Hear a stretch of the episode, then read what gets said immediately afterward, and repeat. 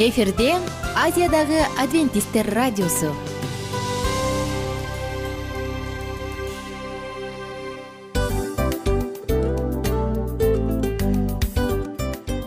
Достор салют. Баардык сүйүктүү угармандарыбызга салам айтабыз. Кутман күнүңүздөр менен. Ден соолук өмүрдүн булагы демекчи саламат саамы программасында баарыңыздарды көргөнүбүзгө абдан кубанычтабыз. Анда алгач амандашып өтөлү арбаңыздар деп. Ден соолугуңуздар кандай элибизде көбүнчө ден соолук кандай дегенде эле жакшы деп жооп беребиз э ооруп турсак дагы жакшы дейбиз. Анан мен муну айтып ойлойт элем бул абдан сонун сөз депчи анткени бул жакшы деген үмүт да э ооба баары жакшы болот баары сонун. Деп үмүттөнүп атып эле өзүбүздү өзүбүз дарылап коебуз. Анысы кандай? Сиздин дагы ден соолугуңуз жакшы беш деген үмүттөбүз чындыгында ден соолук бул өмүрдүн булагы деп бекеринен айтылган эмес деп ойлойм. Кыргыз элинде анткени эгерде ден соолук жок болсо анда адамдын жашоосунда калган баардык керектүү маңыздуу нерселер өзүнүн баалуулугун жоготуп коет. Ошондуктан ден соолук бул эң керектүү нерсе. Ооба туура айтасың кесиптешим. Чынында ден соолугуң жок бир эки үч күн ооруп калсаң эле э кандай болуп калат? Жашоодо көз каранды болуп каласың көп нерсеге жетишпей каласың көп нерсени кыла албай каласың. Жада калса эшикке дүкөнгө да чыга албай каласың. Туптуура анан ден соолук болсо демек биз биздин бактыбыз тоодой деп койсок болот. Анда достор саламат рубрикабызды баштайлы. Алдыда өзүңүзгө керектүү болгон сонун кеңештерди уга аласыздар. Мына ошондуктан биз менен бирге болуңуздар. Ал эми биз болсо милан жана айнура.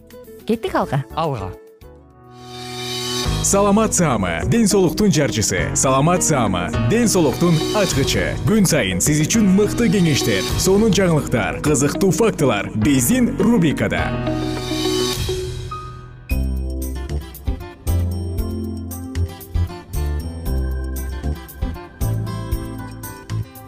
салам салам достор. Жалпы угармандарыбызга салам айтабыз. Саламаттуу дене уктуруусун андан улантабыз дагы. Сиздер менен бүгүнкү теманы жаңырталы баш териге жана чачка кам көрүү. Кээде чачың жакшынакай болуп жалтырап көлөмдүү болуп туруш үчүн эмнени гана кылбайсың. Ии айлангана кетет туурабы. Көрсө достор биз чачка кам көрүп жатып баш териге көңүл бурабызбы? Мына ошол нерсеге көңүл буруш керек экен. Көрсө чачты дал ошол баш тери азыктандырат баарыбыз тең жакшынакай чачтуу болгубуз келет. Баарыбыз тең чачыбыздын супсулуу жалтырап турушун каалайбыз бирок баш териге кам көрөбүзбү. Баштын териси чачтын саламаттуулугуна чачтын сулуулугуна түздөн түз көз каранды. Дал ушул баштын териси ар бир чачтын тагдырын чечет. Эгерде сиз башыңыздын саламаттуу жакшынакай чачтуу болушун кааласаңыз анын терисине дагы көңүл буруп коюңуз эмесе достор эгерде чач дайыма жаман абалда болуп жатса балким ал керектүү азык албай жаткандыр.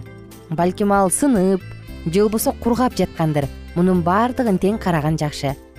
Мегаполистин жашоочуларынын көпчүлүгүндө баягы ал жакта сырткы айлана чөйрө аба ырайы коркунучтуу болгондуктан алардын чачынын бузулушунун сексен пайызы дал ушул агрессивдүү таасирге туш келишет ошондон улам түшөт ал эми калган жыйырма пайызы өзүнүн ген же болбосо тукум куугандыгынан улам чачтары эрте эле түшүп калат экен. Андан ары улантсак достор. Себумдун кесепетинен улам ар кандай зыяндуу заттар биздин чачыбыздын үстүнө же болбосо терибиздин үстүнө конот экен дагы анан аны кычыштыра баштайт. Чач кычыша туруп туруп эле кече эле жуунгансың бирок кайра бат эле кычыша баштайт э? Ал эми кирделген себум фолликулдардын баардыгын тең бүтөйт мунун аягында чачтын түбүндөгү тамырчалардын баардыгы тең бүтүлөт. Анан башка же болбосо чачка кислород жакшы келбей калат дагы чач араң жан болуп үлбүрөй баштайт чач ооруй баштайт. Андан сырткары дагы да бир нерсени айта кетсек адамдын башынын терисинин түрү дагы өтө чоң роль ойнойт эгерде сиздин чачыңыз майлуу болуп жатса демек баш териңизди карашыңыз керек. Эгер тескерисинче кургап жатса анда бул жактан дагы баш терини караш керек анткени көп учурда биз баш терибиз кандай болуп атканын билбей эле чачыбызга эле сыйпай беребиз чачыбызга эле кам көрө берет эмеспи. Бирок ошого карабастан чачты боёо стайлинг өтө ысык сууга жууш же болбосо фен менен кургатыш мунун баардыгы тең чачтын оорушуна алып келе турган жана оор кесепеттерге олуттуу кесепеттерге алып келе турган нерселер. Мисалы достор эгерде чачтын баштын териси кургак боло турган болсо анда дайымкы зуд же болбосо кычышуу болот. Же болбосо тескерисинче туура эмес жууп кое турган болсоң анда ашыкча май бөлүнүп чыга берет акне болот. Бул жерден какачты алып келе турган грибоктор пайда болот. Чачтын түбү ооруйт анан чач түшө баштайт. Мындай оорулар псориаз себорея сыяктуу коркунучтуу ооруларга алып келет анан аягы доктурга барыш керек болуп калат. Ошондуктан жогоруда айтылгандай дагы бир жолу кайтала кетейин ашыкча калбастыр өтө ысык сууга жууп стайлинг кылып боёо же болбосо фен менен дайым кургатууну абайлаңыз. Өтө азыраак колдонгон жакшы. Дал ушул жерден анда эмне кылыш керек? деген суроо туулат болуш керек. Эмне кылыш керек? дегенге бир нече кеңештерди айталы регулярдуу түрдө башты жууңуз. Жумасына эң эле аз дегенде эки жолу жууңуз. Анткени түтүн чаңдардан улам чачыбыз кирдей баштайт. Эки жолу жууңуз ал жерден жууганда дагы жакшы шампунь менен же болбосо атайын эритилген самун менен жууңуз. Мунун баардыгы тең сиздин чачыңыздын түрүнө жараша колдонулганы жакшы. Жумшак щетка менен колдонуңуз. Өтө катуу тарак чачтын баштын терисин тытат. Анан ал жактан дагы теринин сааласын же болбосо майын көбүрөөк бөлүп чыгарат дагы чачтын түшүшүнө таз болуп калууга алып келет. Кийинки кезекте чачты майсыздандырат деген заттарсыз шампуньдар менен жууруңуз детергентсиз же болбосо элементтерсиз детергент деген заттарсыз шампунь менен жууганыңыз жакшы. Анткени булар адамдын чачын майсыздандырып жатып терини дагы булгап коюшу мүмкүн. Ошондой эле достор убакыт убактысы менен башка массаж жасап туруңуз. Чачтын түптөрүнө массаж жасаңыз кандын циркуляциясы жакшырат дагы чачка дагы башка дагы кислород көбүрөөк жетет анан массаж кылган соң жакшы шампунь менен жууп коюңуз. Чачыңызга кам көрүп жатып ал кандай түргө тийиштүү экенин дагы унутпаңыз. Кургакпы же суюкпу? Ошого жараша бальзам кондиционер шампуньдардын баардыгын тандаңыз жана достор чач кандай гана түргө кирбесин чачтын терисин баштын терисин жакшы кам көрүп жакшы тазалаш үчүн атайын тазалоочу маскаларды колдонсоңуз болот аны интернет булактарынан караңыз же биздин уктурууларыбызды кийинкилерде угуңуз сөзсүз түрдө кененирээк айтып беребиз. Кээ бир адамдар уксус колдонушат. Уксуска караганда лимон жакшы. Бир литр сууга эки лимонду салып эритип жакшынакай кылып маска же болбосо компресстен кийин жууп кое турган болсоңуз бул сиздин чачыңызды бекемдейт. Ошондой эле өндүрүлгөн буудай же болбосо пивные дрожжи дагы колдонсоңуз чачтын түптөрүн бекемдеп витамин жана минералдарга байытат достор колуңузду жүрөгүңүзгө коюп туруп айта аласызбы? Менин чачым идеалдуу ой менин чачым укмуш деп. Деги эле минтип айта ала турган адам барбы? Албетте кимдир бирөөнүн чачы жалтырабайт кимдир бирөөнүн чачы жука кимдир бирөөнүн чачы сынып ооруйт кимдир бирөөнүн чачы бат эле саргарып кетет кимдир бирөөнүн чачы укмуш ачыки айтор карап отурсаң ар бир чачтын көйгөйү бар. Анан ар бир айым сонун татынакай сулуу чачтардын ээси болгусу келет. Мына ошондуктан эгерде сиз сулуулугуңузду арттырып чачыңызга туура кам көрүүнү кааласаңыз анда биздин уктурууларыбызды калтырбаңыз алдыңкы күндөрдө дагы кененирээк сонун маалыматтарды айтып беребиз. Дүйнөдөгү тенденция чач жаш жасалгандын тенденциясы кандай гана жакка өзгөрбөсүн бирок жакшы саламаттуу чач дайыма модада. Ошондуктан достор сиздерге айтарыбыз сөзсүз түрдө чачыңызга кам көрүңүз. Колдон келишинче көбүрөөк мөмө жемиштерди жашылча чөптөрдү жесиңиз. Колдон келишинче стресстен депрессиядан качырыңыз. Нервти сактаңыз. Мунун баардыгы тең. Сиздин психикаңызга физикалык ден соолугуңузга сөзсүз таасир тийгизет аты жөнүм айнура миназарова. Кийинки уктуруулардан кайрадан амандашканча сак саламатта калыңыздар. Күнүңүздөр көңүлдүү улансын. Бар болуңуздар жана бай болуңуздар. Жана чачыңыз укмуш сонун жалтырап турсун саламат саама ден соолуктун жарчысы. Саламат саама ден соолуктун ачкычы. Күн сайын сиз үчүн мыкты кеңештер сонун жаңылыктар кызыктуу фактылар биздин рубрикада. Салют замандаштар баарыңыздарга ысык салам. Дил маек программабызга кош келиңиздер. Дил маек рубрикасы дегенде эле бул эмне болгон дил маек ким менен маектешебиз деп сурайт болуш керек угармандарыбыз бул рубриканы кыскача тааныштыра кетип турган болсок ар тарап кесип ээлеринен болгон сонун интервью кеңештер бар. Ооба. жылдыздар менен болгон маек бар. Аталарыбыздын агаларыбыздын чоң аталарыбыздан сонун кеңештер бар. Ошондой эле эже сиңдилердин кеңештери бар айтор. Баардык кызыктардын баары алдыда. Негизи эле адам баласы бир кимдир бирөөнө ишенип сырын ачкысы келет эмеспи э мындай баарлашууга жакын келебиз го. Албетте. Негизи бир жерге отуруп алып кенен шашпай баягы жүрөктөн жүрөккө ачып сырларыбызды ар кандай көйгөйлөрүбүз менен бөлүшүп баягы чын жүрөктөн маек курганды кимибиз сүйбөйбүз э? Ооба десең ал нерсеге суусап да келебиз да. Ооба кээ бирде адамга чындыгында баягы э, ысык маек баягы жылуу маек жетишпейт да. Ошондуктан биз ушул рубриканы ойлоп тапканыбызда эң биринчи эле достор сиздер менен чын жүрөктөн бир маңыздуу темаларды козгоп кеткени э, кааладык. Ошондуктан ушундай сонун бир рубриканы тартуулап жатабыз. Анын үстүнө радио дагы сонун дос да анткени э, мындай учурда досуңа айтсаң досуң досуна айтат досу досуна айтат да анан бүт өлкө билип калышы мүмкүн го радио болсо сени сатпаган сенин айыбыңды ачпаган. Сенин сырыңды эч кимге айтпаган сонун досуң ошондуктан биздин алдыдагы айта турган кеңештерибизди биздин досторубуздун кеңештерин угуп анан ал жака пикириңизди дагы калтырып кайрадан биз менен байланышсаңыздар болот. Деги эле жашооңузга эгерде кичине болсо дагы өзгөрүү алып моралдык жактан нравовдук жактан сонун бир кеңештерди алсаңыз демек биз максатыбызга жеттик. Ооба. Чыңгыз атабыз улуу жазуучу э, чыңгыз айтматов айткандай адам болуу бул күнүмдүк процесс экен. Күн сайын адам бойдон калуу бул адамзатка эң эле кыйын дейт э? э эң кыйын дейт. Чындыгында бунун э, негизинде адамдын эң баягы сапаттуулугу адамдын адамгерчилиги жана көптөгөн керектүү нерселер. Мына ошол темалар дагы бизде э, ушул дил маекте биз аларды да козгойбуз. Э, ден соолук жөнүндө да сүйлөшөбүз. Сөзсүз түрдө анан милан мырза негизи айтып коюшат го. Э, биз көбүнчө эмнени ойлонсок ошол нерсеге карата иш кылабыз го ооба. Анан анысыкандай балким бул радио баракчада кимдир бирөөнүн оюн текшергенге жардам берет кимдир бирөөнүн жүрөгүн текшергенге жардам берет балким кимдир бирөөгө жашоонун маңызын тапканга жардам берет айтор кызыктын баары алдыда бул жөн гана кыскача жарнама анда угармандарыбыздын баардыгын кийинки рубрикабызга чакырабыз. Ал эми кызматта маңдайымда отурган кесиптешим милан жана мен айнура. Анда эмесе биз даярдаган терең терең ойлор менен таанышууга кеттик. Алыс алыс баралык. Анда эмесе достор биз менен бирге болуңуздар. Алдыда эң кызыктуу маалыматтардын баардыгы бир нече мүнөттөр бою жалгыз гана сизге арналат мына ошондуктан жакшы маанай менен угууну каалайбыз. Үн алышканча. Жөнөдүк. Ар түрдүү ардактуу кесип ээлеринен алтын сөздөр жүрөк ачышкан сыр чачышкан сонун маек. Дил маек рубрикасында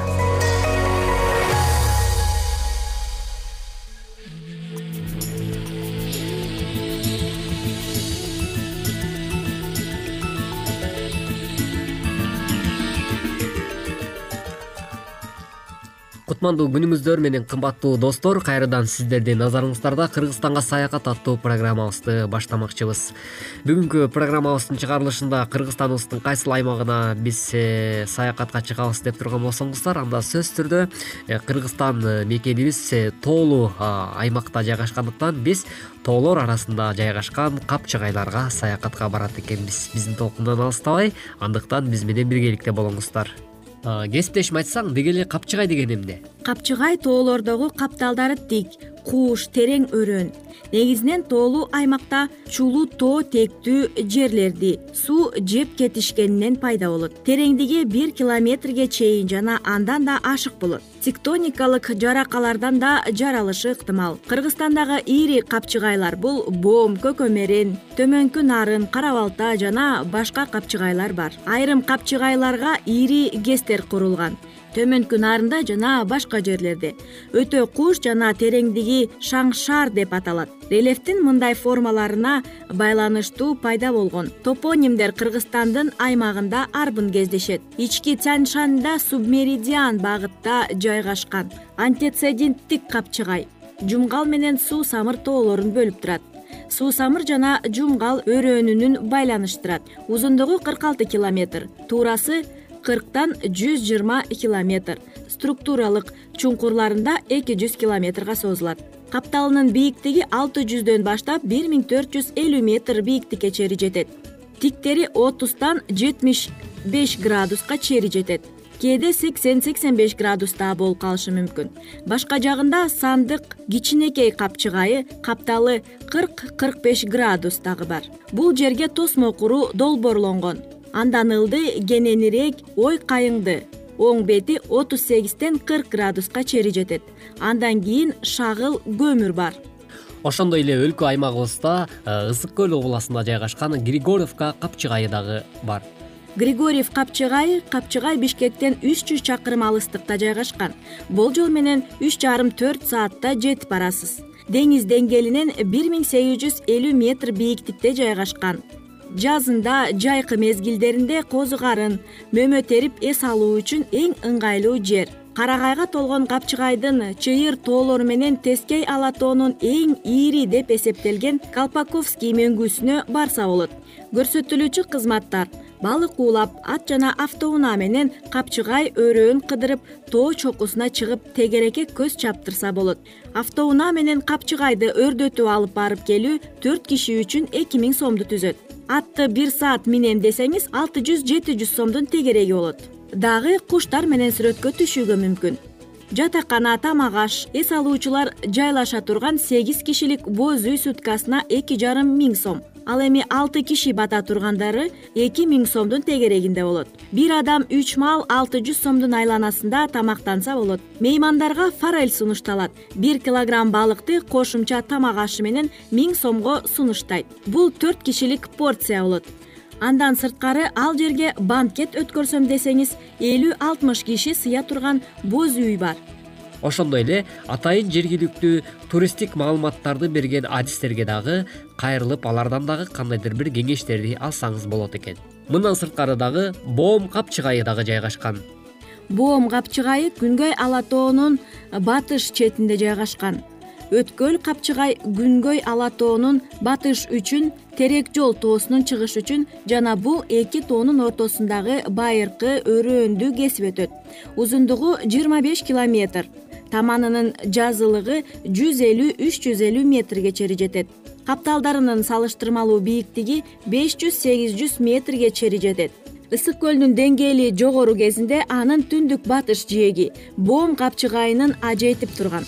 Көлдөн агып чыккан суу күнгөй ала тоонун бир тармагы кара жылганын жана пис кайкысын ашып азыркы чоң орчок чүйдүн сол куймасында агып турат. Ал кезинде чоңорчок чоң кеминге сол тараптан куюп боомдун көп бөлүгүн чоңорчоктун чатынан чоң кемин суусуна чейин чоңорчоктун өрөөнүн түзгөн. Ал эми боомдук түштүк өтө кууш бөлүгү коңорчоктун чатынан түштүк тарабына чейин жазылып турат кара жыйра тоосу ысык көлдүн суусун жеп өтүп капчыгайды пайда кылган. Мындан сегизден он эки миң жыл илгери болгон. Капчыгайдын коңорчоктун чатынан чүй өрөөнүнө чыга беришине чейинки бөлүгү.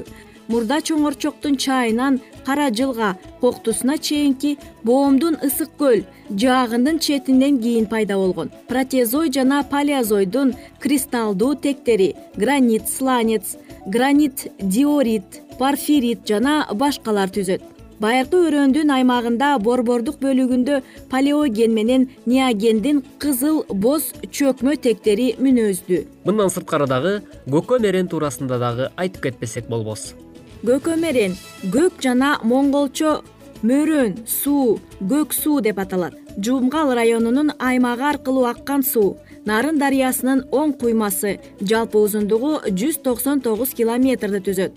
Алабынын аягында жүз төрт миң чарчы километрди түзөт. Деңиз деңгээлинин орточо бийиктиги эки миң сегиз жүз метр. Суусамыр менен батыш каракол сууларынан кошулган жеринен көкөмерен деп аталат. Ири куймалары муз төр жаман эчки ак суу жоо жүрөк ой кайың көбүк суу жумгал миң куш мындан тышкары жүздөн ашык майда куймалары бар. Негизинен кар жана булак сууларынан курулат. Көп жылдык орточо чыгымы сексенден ашык метр куб секундасына түзөт. Эң көбү июньда эки жүз он беш метр куб секундасына агып өтөт. Азы мартта жыйырма тогуз метр куб секундасына агат апрелде кирип сентябрда тартылат. Октябрь ноябрларда тоңо баштайт март апрелде муздан арылат суугатка пайдаланылат боюнан кызыл ой арал сары булуң өрнөк кыштагы орун алган. Ошентип кымбаттуу угармандарыбыз бүгүнкү кыргызстанга саякат аттуу берүүбүздө сиздер кыргызстан аймагында орун алган капчыгайлар жаатындагы саякатыбызга назар салдыңыздар биз менен бирге болгонуңуздар үчүн сиздерге ыраазычылык билгизүү менен ушуну менен бизге бөлүнгөн убактыбыз дагы өз соңуна келип жетти. Э, кийинки берүүбүздө дагы биз сиздер менен кыргызстаныбыздын эң сонун ажайып кереметтүү жерлери менен сапарга аттана бермекчибиз. Андыктан биздин толкундан алыстабай ар дайым биздин уктурууларды уга бериңиздер деген тилек менен программабыздын көшөгөсүн жапмакчыбыз. Кайрадан бул аба толкундан амандашканча аман болуңуз ар түрдүү ардактуу кесип ээлеринен алтын сөздөр жүрөк ачышкан сыр чачышкан сонун маек бил маек рубрикасында.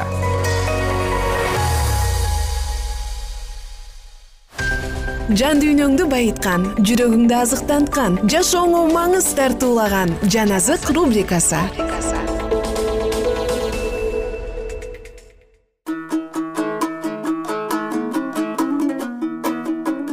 саламатсыздарбы? Кадырлуу замандаштар жалпы угармандарыбызды уктуруубузга кош келипсиздер деп тосуп алабыз дагы.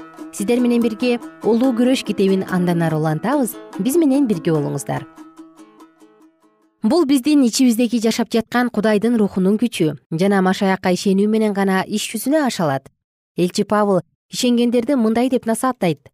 Өзүңөрдүн куткарылууңарды коркунуч жана титирөө менен жүзөгө ашыргыла. Себеби кудай силердеги тилекти дагы аракетти дагы өзүнүн жакшы ниети боюнча жүзөгө ашырат күнөө ишенген адамды азгырып турат бирок ал ар дайым аны менен күрөшүп турат. Мына ушул жерде гана машаяктын жардамы адамдар үчүн талап кылынат. Адамдык акылсыздык кудайдын күчү менен биригип жана күнөөлүү адам ишеним менен мындай деп айта алат. Биздин теңирибиз ыйса машаяк аркылуу бизге жеңиш алып берген кудайга ыраазычылык биринчи корунтуктарга жазылган кат он бешинчи бап элүү жетинчи аят касиеттүү болуу иши бул үзгүлтүксүз боло бере турган иш экендиги жөнүндө ыйык жазуу бизге ачык айтып берет. Качан кайрылган адам куткарып алуучу кан аркылуу кудай менен тынчтык тапканда чыныгы ишенүүчүлүк жашоо ошондо гана башталат. Эми ал жеткилеңдикке умтулуп машаяктын толуктугуна чейин өсүүсү керек. Элчи павыл мындай дейт. Артта болгонун унутуп алга басып ыйса машаяк аркылуу кудай берген жогорку наамдын деңгээлине жетиш үчүн максатка умтулам. Филиппиликтерге жазылган кат үчүнчү бап он үчүнчү он төртүнчү аяттар. Жана элчи петр дагы ыйык жазуудагы касиеттүүлүккө кандайча жетүү керектиги туурасында бизге секичелерди койгон. Эми силер дагы баардык аракетиңерди ошого жумшап ишенимиңерде ийгиликти ийгиликте эстүүлүктү көргөзгүлө. Эстүүлүктө токтоолукту токтоолукта чыдамкайлыкты чыдамкайлыкта такыбаалыкты такыбаалыкта бурадардык сүйүүнү бурадардык сүйүүдө жалпы сүйүүнү көрсөткүлө.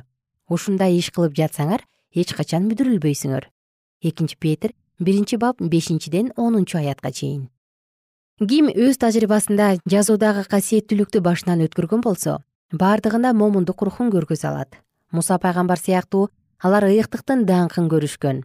Өз иштеринин татыксыздыгын түбөлүктүү кудайдын таза жана өсүп жетпей турган өсүп кетпей турган жеткилеңдиги менен салыштырышкан.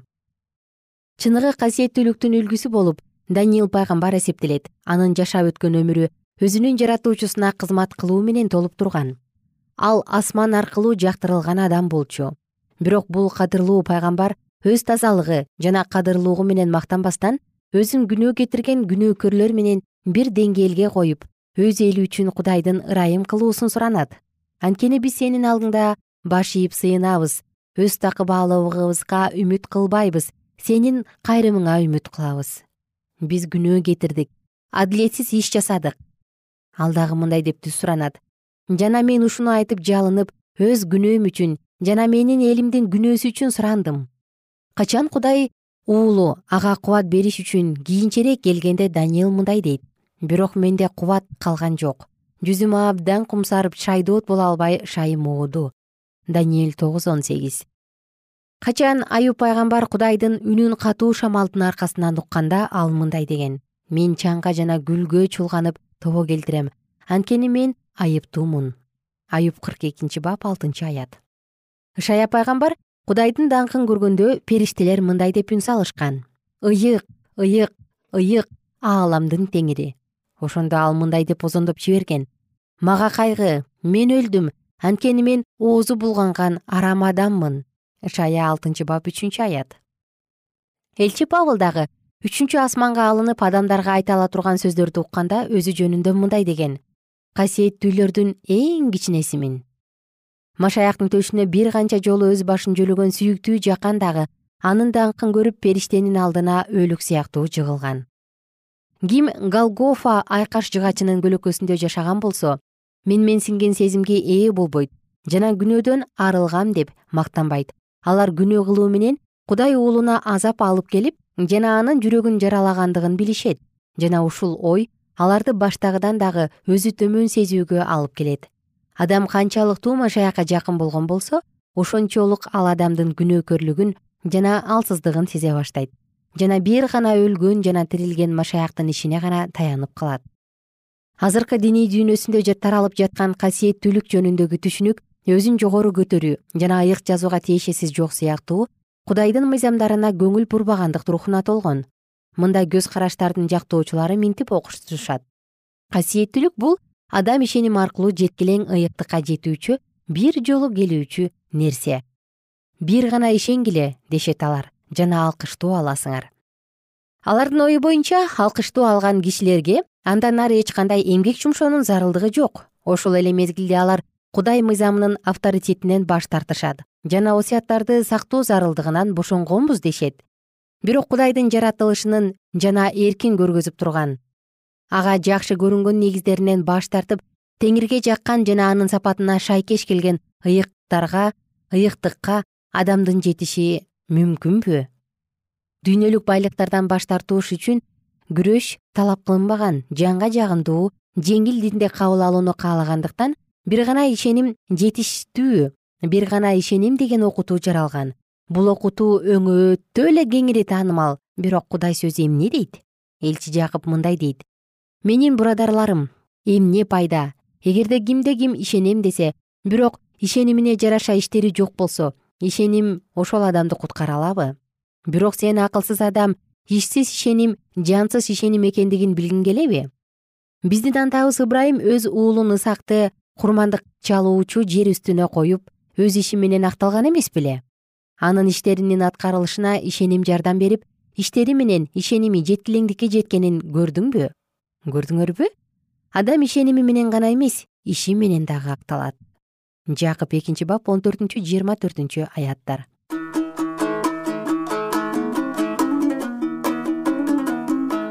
Кадырман замандаш сиздер менен бүгүн дагы улуу күрөш китебинен үзүндү окуп өттүк. Жалпыңыздарга көңүлдүү күн каалайбыз. Кийинки уктурууда дал ушул жерден маегибизди андан ары улантабыз. Эмесе биз менен бирге болуңуздар. Күнүңүздөр көңүлдүү өтсүн маанайыңыздар дайым беш болсун. Кайрадан амандашканча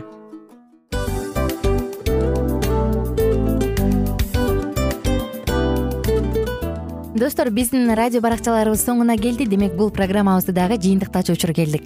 Учурга келдик. Анан кесиптешимден сурагым келип турат. Негизи эле иштин башталып атканы кубандырабы сени же жыйынтыгы кубандырабы? Албетте жыйынтыгы. Себеп дегенде сен кылган ишиңдин жыйынтыгын көрүп э, баягы мөмөсүн көрүп дегендей жыргайсың жүрөгүң жемишинен тартып э? Кандай даамдуу деп. Баягы буудай сепкенде эмес буудай эгинди жыйнагандан кийин ысык нанды жегенде кадимкидей ырахаттанасың го? Ой айтпа туура айта кеттиң сонун салыштыруу болду анан мен дагы абдан кубанып турам анткени биз угармандарыбыз үчүн аябай эмгектенип келген уктуруубуздун соңуна келип калдык. Анан эми уктуруубуздун соңунда угармандар кандай пайда алып калды экен деп күтүп турам да. Балким э, менин жашоомо өзгөрүү киргизе турган сонун сөздөр болду. Мен ушул нерсени изилдеп анан кабыл албасам ушул нерсени кылбасам деген чечим чыгарсаңыз анда биз абдан кубанычтабыз. Сөзсүз түрдө андыктан кийинки биздин кызыктуу уктурууларыбыздан көрүшкөнчө сак саламатта калыңыздар. Чыдамсыздык менен сиздерди мен милан жана кесиптешим айнура күтөбүз. Баардык угармандарыбызга ийгиликтүү күн каалайбыз. Качан гана болбосун уртуңуздан жылмаюу кетпесин үйүңүздө көмүр жүрөгүңүздө көңүл болсун дейли